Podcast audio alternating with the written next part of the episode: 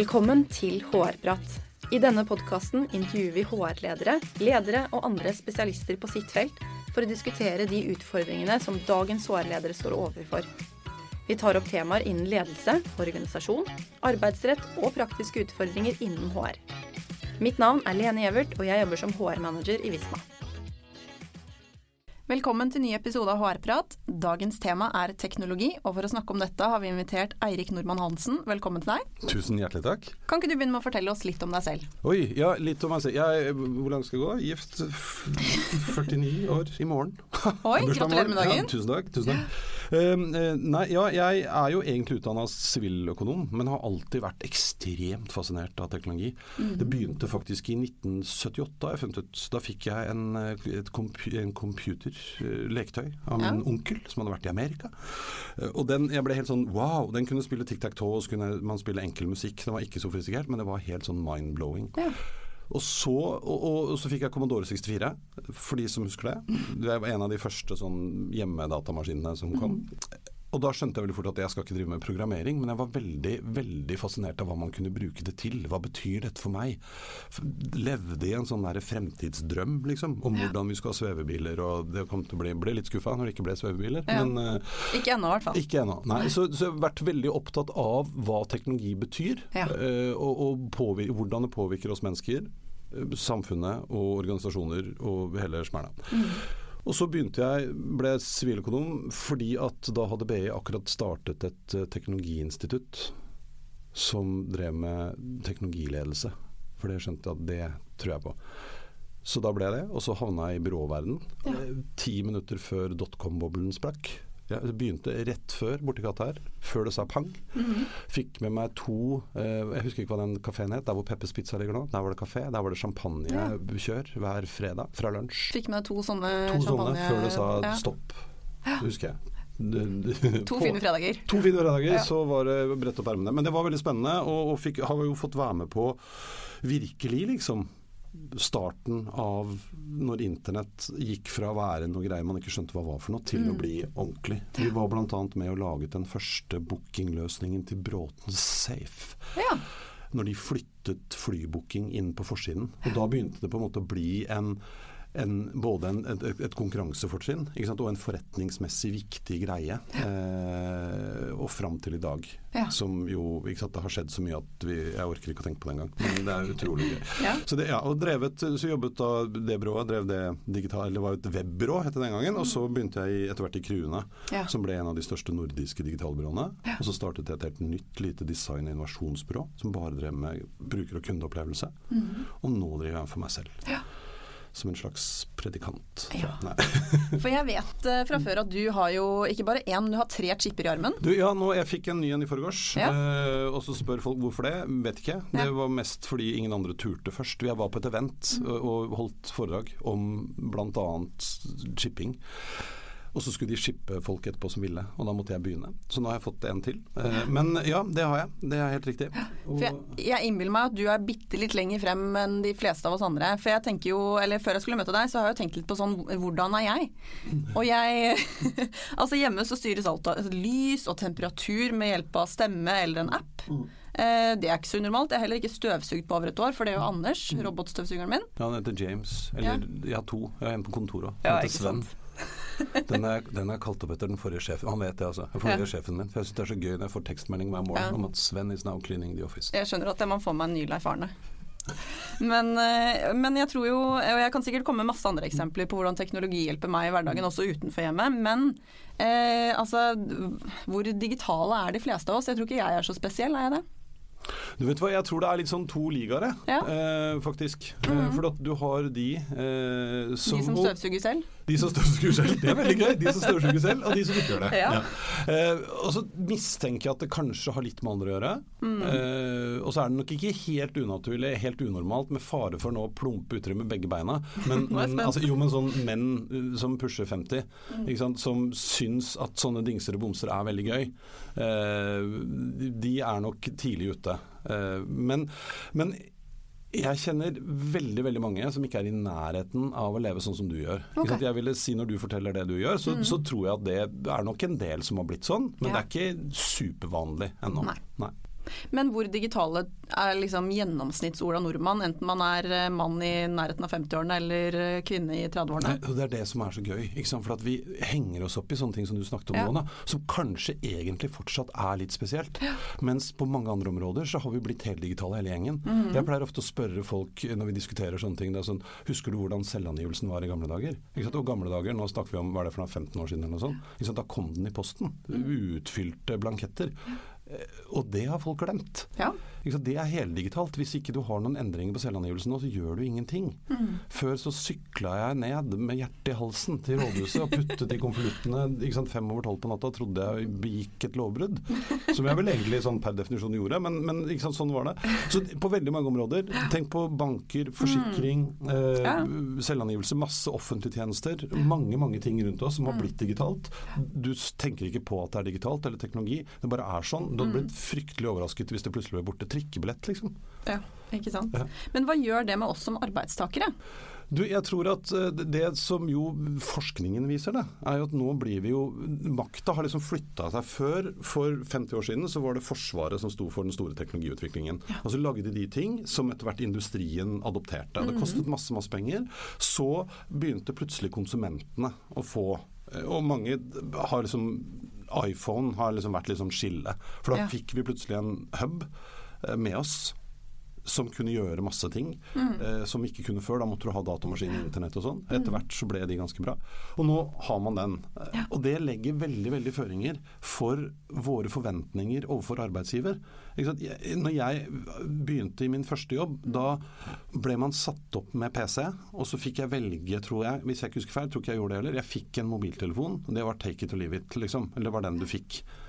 Nå kan du ikke holde på sånn. Nå, mange mange arbeidsplasser, ikke alle helt ennå på datamaskinnivå, liksom, men mm. veldig vanlig at du velger sjøl. Du har med egen telefon, og eh, man har jo fetere internett hjemme enn man har på kontoret.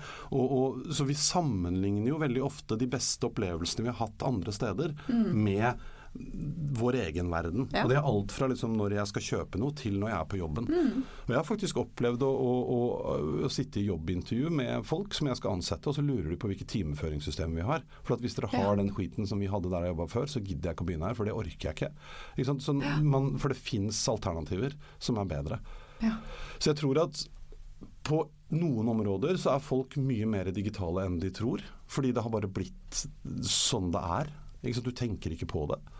Uh, mens på andre områder så henger vi oss opp i sånne helt merke, altså sånn robotstøvsuger som for mange er Eller Alexa som du kan si mm. skru på lyset, som er helt sånn wow uh, for mange.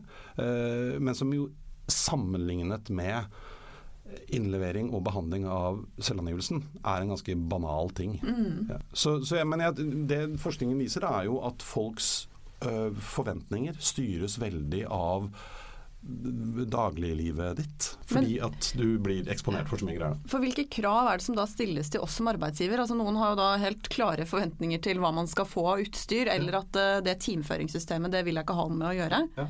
Men sånn, kan du si noe om det? Altså, hva er det folk forventer av en arbeidsgiver? Jeg tror folk forventer nå, eh, Gjennom min podkast har jeg jo snakket med mye folk, eh, og, og, dette er en av de tingene vi har snakket om. Og folk forventer i mye mye større grad altså større fleksibilitet. Mm. De kan godt forholde seg til noen regler om at vi må være på kontor innimellom, men man forventer også at det skal være greit at jeg skal kunne jobbe hvor som helst. Ja. Dette henger jo litt sammen med hva slags type jobb man har, naturligvis. Men, men i veldig mange sammenhenger så, så er det en forventning. Og, og, man forventer at du har ganske fri tilgang til det meste. Mm. Um, og, og, at datamaskiner og mobiltelefoner du får, er på et nivå som gjør at du liksom kan virkelig bruke de. Da. Ja. Uh, så, så, jeg tror for, altså Folks forventning til, til, hvordan ting skal henge sammen, blir større og større. Mm. Og så er jo utfordringen at veldig mange bedrifter henger etter. Man investerte millioner av kroner i et eller annet, eller annen plattform for mm. uh, ti år siden, og den har man ikke tenkt å bytte. så du må finne deg litt i det. Det er jo sånn fra min side av bransjen hvor Mac liksom har vært det vanlige, så, og nå som mange av de store konsulenthusene plutselig starter designbyråer, så skal du ha inn en hel haug med Mac-ere. Ja. Og noen av de blir altså satt opp med to. Du får liksom sånn timeføringsmaskinen, for det gamle mm. timeføringssystemet vårt det går bare på PC. Så du får en PC, der må du føre gjennomføre timer og utlegg, og så har du Mac-en som du kan jobbe på. Som jo blir litt rart. Ja. Men, men, ikke sant? Så, det, så, så jeg tror folk eh, Det der som kanskje ofte oppleves som litt sånn flåsete, at vi nå skal ha alt skal være friksjonsfritt og sømløst. Så det er noe i det. Fordi det er sånn det begynner å bli i ganske stor grad i privatlivet ditt. da. Ikke sant? Tenk på når du handler, skru på lyset, kjøper trykkebilletter, leverer selvangivelsen, starter bilen. Altså, du, alt ordner seg selv. Da er det litt feil å komme på jobb og reise 15 år tilbake i tid. Ja, ikke sant. Får du nøkkelknipe og eh, må melde fra i vakta, og du må logge deg på et sånn AS 400-system, husker jeg hadde en gang. Det, det er veldig lenge siden. altså. Ja, Det blir litt rart. Mm. Men hva betyr dette for HR? Altså Hvilken kompetanse trenger vi, eller hvordan skal vi klare å ta, ta liksom, og håndtere disse forventningene? Jeg, nei, ja, det kan du si. Jeg tror jo, altså, HR blir jo ofte litt sånn på en måte bindeleddet også mellom organisasjonen og resten av ledelsen og de ansatte. Og er vel de som ofte merker eh, først hvilke nye forventninger og krav folk stiller. Eh, så det å prøve å være proaktiv i forhold til det, og noe av det er vanskelig å få til, eh, og annet må man kanskje kjempe litt for. Da, for, det, for, for at skal du ha de beste folka, så, så må man også forstå hva teknologi betyr for både mennesker og Ja. for bedriften din. Og det har kanskje vært litt sånn på siden av det HR tradisjonelt har drevet med, da. Eh, tror jeg. Ja. For jeg husker jo, det er jo ikke veldig mange år siden at uh, Nå kan det hende at noen som hører på liksom snur seg veldig i stolen her, holdt jeg på å si. At uh, tech ble liksom et buzzword. Jeg husker man snakket om strategisk HR for noen år siden, og plutselig så ble liksom tech et sånt begrep som alle begynte å snakke om. Og i hvilken grad, altså du er litt inne på det, men i hvilken grad har vi da faktisk klart å tilpasse oss de kravene, eller på en måte se de tingene som dukker opp og ta tak i de da? Når, altså er vi litt reaktive, eller klarer vi liksom å nå opp til de forventningene? Det Da er det sikkert store forskjeller òg. kjempestore forskjeller. Men, jo, men ikke sant, det er jo litt interessant når, sånn som når du forteller, som jobber med HR, Mm. at du styrer hjemmet ditt med stemmen, og lyspærene går av og på og kan sikkert skifte farge basert på hva du sier. Ja da. Ikke sant? Eh, Som jo gjør at du er litt annerledes skrudd sammen enn en del av forgjengerne dine, Ja. som er noen år eldre. Mm. og, og det, jeg tror det skiftet der, ikke sant? det kommer innmari fort nå. fordi at folk som vi liker, vi, vi som er litt grå i håret, som pusher 50, vi liker jo å snakke om de der unge. Men de der unge de begynner å bli både 25 og 30 og 35 år nå. ikke sant? Den derre millennials-gjengen. De er ikke så himla små lenger. Eh, som jo gjør at en del av det der ordner seg. Så vet jeg jo at eh, igjen da, en, en utfordring for mange bedrifter som kanskje har ventet for lenge med å gjøre de nødvendige endringene, eh, og nå marginene går nedover, ikke sant? og lønnsomheten er dårligere, og det å skulle bytte ut hele den digitale eller tekniske plattformen din, er forferdelig dyrt og smertefullt. Ja. Det har jo aldri skjedd i verdenshistorien ikke sant? at et sånt prosjekt går på skinner. Så, så man kvier seg jo. Eh, og der kan man nok dessverre møte seg sjøl litt i døra. Da? Ja. Da er det rett og slett litt for seint. For det er jo ille. Altså, som sagt, jeg møtte én bare da, som spurte om det, og det, er han eller hun, jeg husker det var en han faktisk, eh, er sikkert ikke alene om å stille sånne krav. Og? De, de forventer mer fleksibilitet, bedre systemer. De har kunnskap nok til å ikke akseptere lenger at Ja, du sier at ja, men du skjønner at det går ikke. Jo, det går. Får vel se her. Uh, så, så jeg tror at vi, vi, vi må gjøre den omstillingen, og da må HR kanskje bli enda bedre på teknologi. Og ikke lære seg å programmere, men å forstå hva det betyr, og hvorfor det har blitt som det har blitt. Men hvilken betydning har bransje, eller er det ja, generasjoner, kjønn Du er litt inne på noen av de tingene, men bransje først og fremst, kanskje? Nei, bransje, det, jo, det, har jo vært sant, Hele den der digitaliseringsbølgen begynte jo for ganske mange år siden. Når vi, dette var da i 2001 eller 2002 hvor vi jobbet med Bråtens. Ikke sant? Da gjorde de et kjempeløft. Før det så jobbet jeg i et advokatfirma som også innførte elektronisk, heter jo det, timeføring. Ja. Men det, eh, det var egentlig et digitaliseringsprosjekt. Så det var jo noen bransjer som var tidlig ute. Musikkbransjen, film. De kom veldig fort. Nå er det byggebransjen, ja. og da hele byggenæringen, eh, som står oppe i et veldig skifte. Og deres fordel er jo at de kan høste utrolig mye erfaring fra alle de som har gjort Ja. rare ting før. Og der skjer det jo sant, revolusjoner uten at vi får det med oss. Eh, som er fra gamle, avanserte Jeg ledet den, den store byggemøtet. Eh, bygge, Bygg Reis deg-konferansen. Det er for Ja. hele byggenæringen. Og det som er helt naturlig nå, er 3D-tegninger. Altså Før kostet det millioner av kroner å lage. Nå går det rett fra arkitektens datamaskin, og så tjopp, så kan du få det i VR-briller. Og det bruker de på byggeplassene. Det, og man bruker droner som skyter seismikk før de skal begynne å grave, så de vet hvordan grunnen er. Så, så de, de, de, lærer veldig mye av det som har skjedd, og teknologien har kommet mye lengre. Og verdien av den endringen de gjør er mye større. Eh, og da koker det også ned til liksom, forskjellige eh, arbeids... Eh, hva heter det for noe? Eh, stillinger eh, folk har i den bedriften. Noen trenger mer teknologi enn andre, noen er mer åpne for det. Eh, så, så, det er mange faktorer som spiller inn. Men, eh, men, jeg tror at bransje spiller nok en rolle i forhold til når de setter i gang. Men det ser ut som om at de bransjene som starter nå, eh, ofte snur seg fortere enn de som begynte for 20 år siden. Ja. Um, kunstig intelligens, det mm. finnes det jo mange myter rundt. Enten så er man Det er nesten litt sånn elsk-hat-forhold. Enten er du veldig positiv eller veldig negativ. Hvorfor har det blitt slik? Det tror jeg også handler litt om Det er jo en sånn mystikk rundt dette her. Ja. det er jo et eller annet, Jeg skjønner òg det, at hvis du legger godvilja til å se på litt for mange science fiction-filmer, så, så, kan kunstig intelligens fremstå som noe litt skremmende. Ja. Eh, og for første gang, vel, har jeg lest et eller annet sted, i vitenskapens historie, ja. så har liksom vitenskapsfolk nå blitt litt sånn polarisert. Du har én gjeng som er veldig redde og så er det en gjeng som ikke er det. Mm. Uh, og de som er veldig redde, det er jo sånn type Musk og han godeste Stephen Hawkins og sånn, ja. som døde for litt siden. Men han var jo veldig talsperson for at vi er nødt til å være forsiktige, fordi at kunstig intelligens kan være skummelt. Mm. Og det kan det selvfølgelig, men akkurat nå, og det er det det blir liksom hypa opp så veldig, og så leser man i avisen hvordan det kanskje kan bli. Mm. Vi er ikke i nærheten av det. Den smarteste kunstig intelligensen som finnes i dag, hvis du måler liksom i IQ, mm. så er den omtrent på høyde med en rotte. men den er himla god på det den er god på. Ja.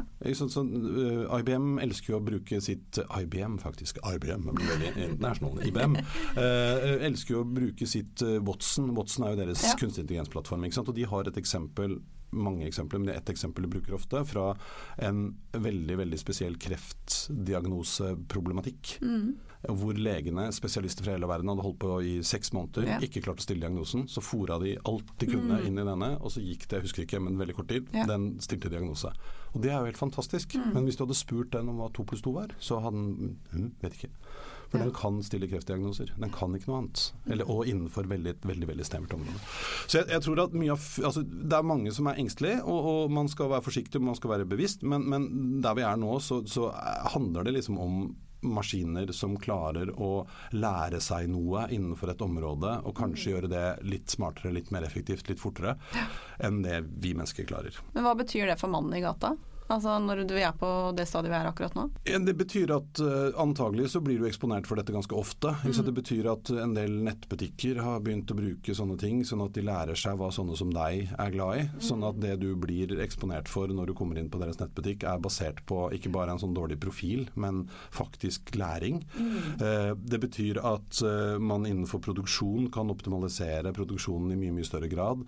systemer som, altså Et veldig gøyalt eksempel er Lånekassen. Lånekassen har en kunstig intelligens-bot, kan vi kalle det, som hjelper de med å plukke ut de de skal sjekke om faktisk skal ha borteboerstipend. Dette var noe de brukte enorme ressurser på før. Det har de nå en bot som gjør, og de bruker altså, jeg husker ikke tallene, men mye mindre tid, mye mindre penger i året på det, og de tar akkurat like mange. Og Det er en ganske snedig bruk. ikke sant? Men den ja. botten den kan ikke noe annet enn å skumme gjennom søknader og plukke ut de som du burde ringe til og sjekke om faktisk bor der de sier de bor. Uh, den kan ikke noe annet. Uh, så det er et tilfelle. Ja. Men så viste jeg jo deg i, i stad, fordi det fins uh, eh, innenfor HR, da, mm. hvor man jo veldig ofte i ansettelsesprosesser f.eks., eller når man skal sette sammen teamavdelinger og sånn, mm. så er man jo opptatt av å finne folk som matcher, ja. eller som komplementerer hverandre. Mm. Og, og da bruker man jo forskjellige metoder.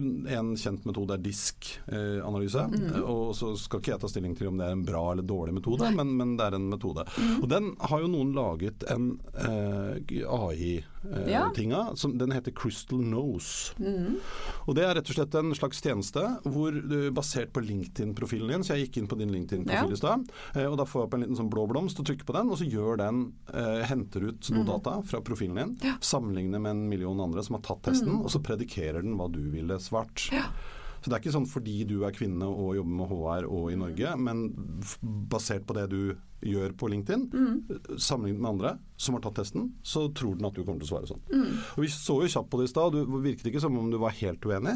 Nei, jeg tror, jeg tror den har truffet sånn passelig bra. Så jeg må si jeg var litt overrasket. For jeg tenker litt sånn, man er jo litt sånn strategisk i forhold til hva man setter på LinkedIn, Ja. ikke setter på LinkedIn. Er Den- mange i hvert fall. Ja, og det er også sånn, det ser man ofte, eh, for jeg har brukt den ganske hyppig. Og hvis jeg nå hadde, for du kan ta testen, Mm. Ja. så ville antagelig Ja. resultatet ditt blitt litt raff, mer raffinert. Ja. Ikke sant? For det, det blir jo så godt den kan. Men poenget er at maskinlæring, kjempesmart, kan sammenligne, gjøre ting utrolig fort. Mm. Ja. Sånn at presisjonen blir bedre og bedre. Eh, og den kan legge inn, for den lærer seg da når noen den har predikert, Mm. og så ser den at du tar testen, og så ser den avviket. Så lærer den seg det også. Så Mm. tar den det med inn i algoritmen sin, og så klarer den da kanskje å bli gi et enda bedre svar. Ja.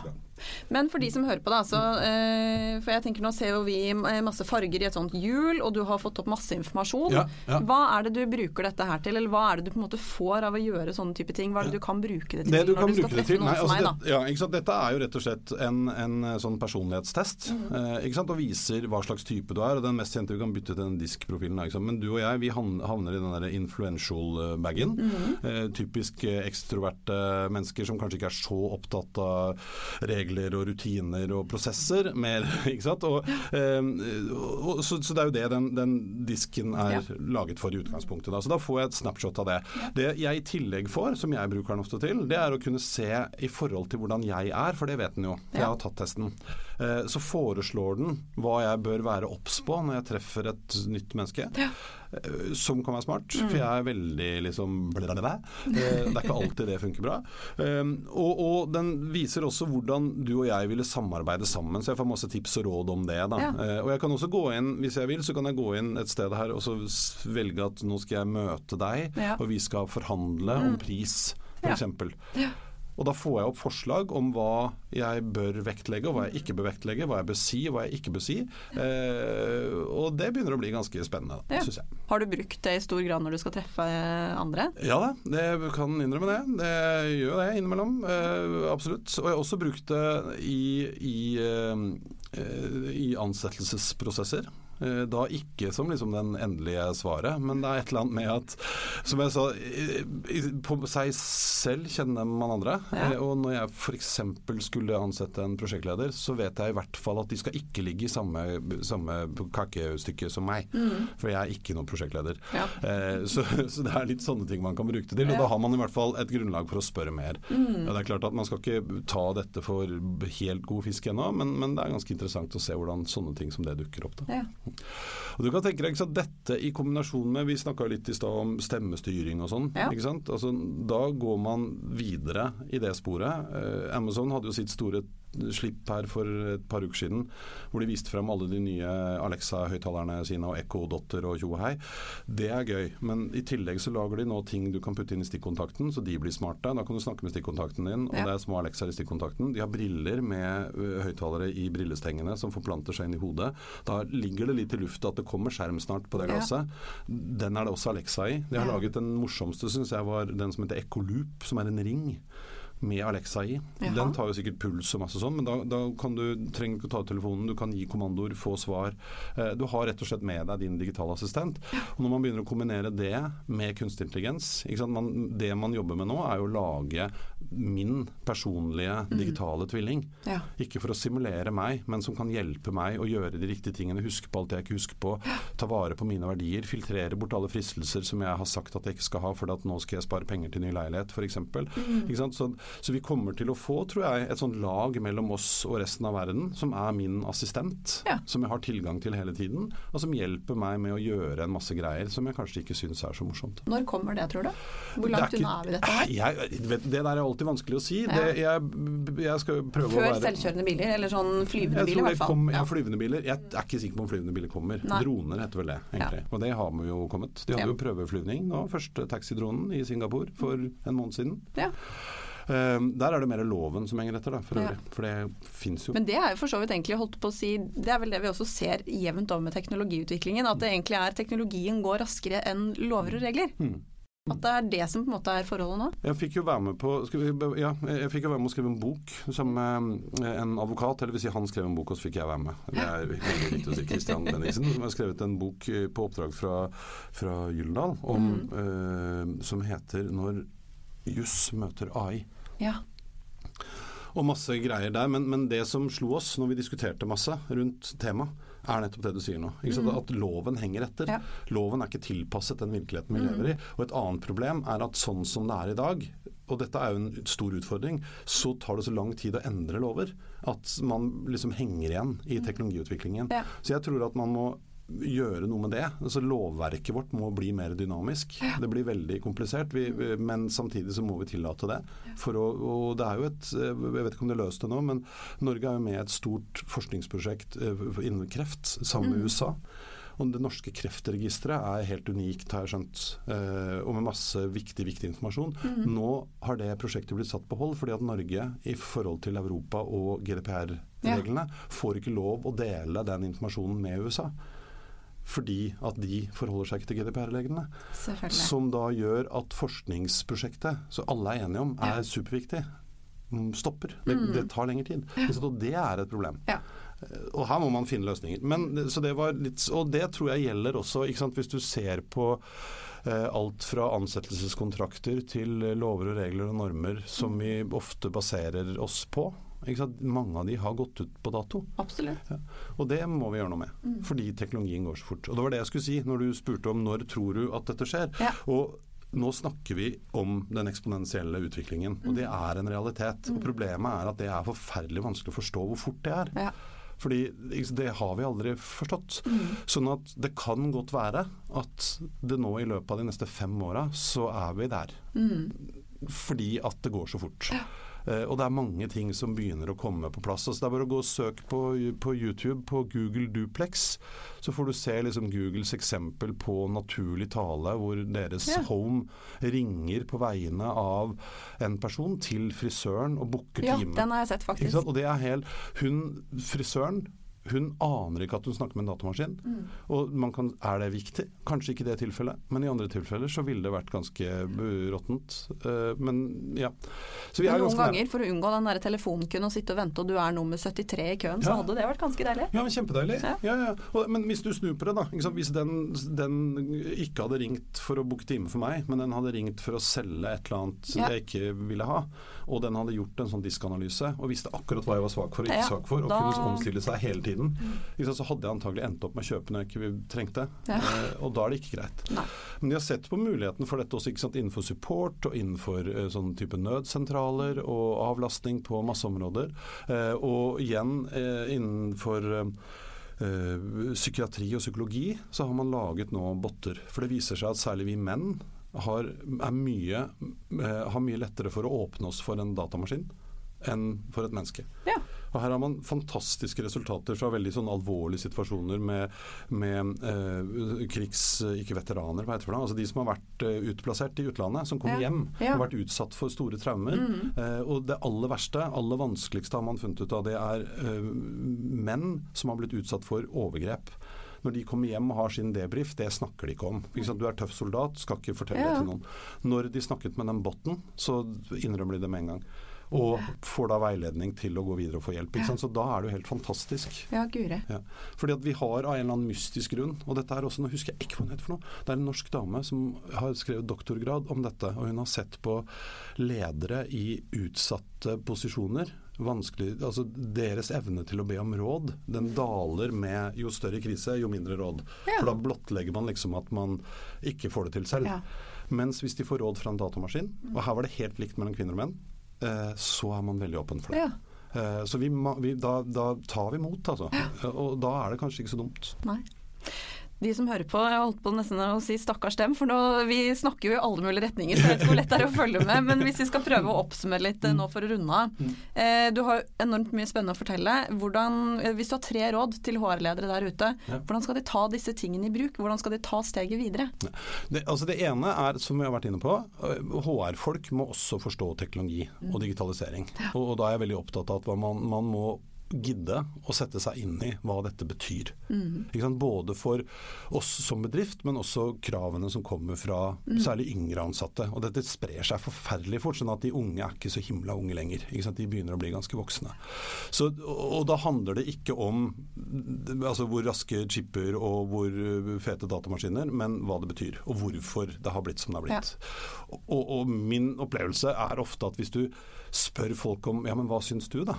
Så er det ganske mange ting de fleste av oss nå skjønner at vi ikke kan leve uten. Mm. Så, men å virkelig forstå det, og, og da ta det med seg inn i ledergruppen, som man jo ofte er en del av. Ja. Og legge en eller annen plan for det for vår bedrift. Mm. For det tror jeg er viktig. Hvis ikke så kommer man til å dø. Ja. Um, det var ett, var det ett råd? Ja, i hvert fall ett. det andre tror jeg fordi at det går så fort nå, er jo at eh, det har blitt veldig modernt å si at eh, her hos oss er det lov å feile. ikke sant, mm. og Fail fast og alt det der. Og så viser det seg jo at det er jo ikke det. For det er ganske vanskelig. Fordi Hvis alle driver og feiler hele tiden, så blir det veldig tøft å drive bedrift. Mm. Men poenget er at vi må legge til rette for at folk får lov til å ta initiativer og prøve ut nye ting. For det er mm. det som kommer til å redde bedriften din til syvende og sist bevisst. Fordi ja. folk ser smarte løsninger. Enten det er i forhold til det vi leverer til markedet, eller i forhold til hvordan vi gjør ting internt. Ja. Uh, så det å legge til rette for en eller annen systematisert variant av det, mm. tror jeg er viktig. Ja. Og når det, man da er inne i den prosessen og det er good to go, da må man få lov å gjøre feil. Mm. Men man kan naturligvis ikke gjøre feil hele tida i hytt og pinne.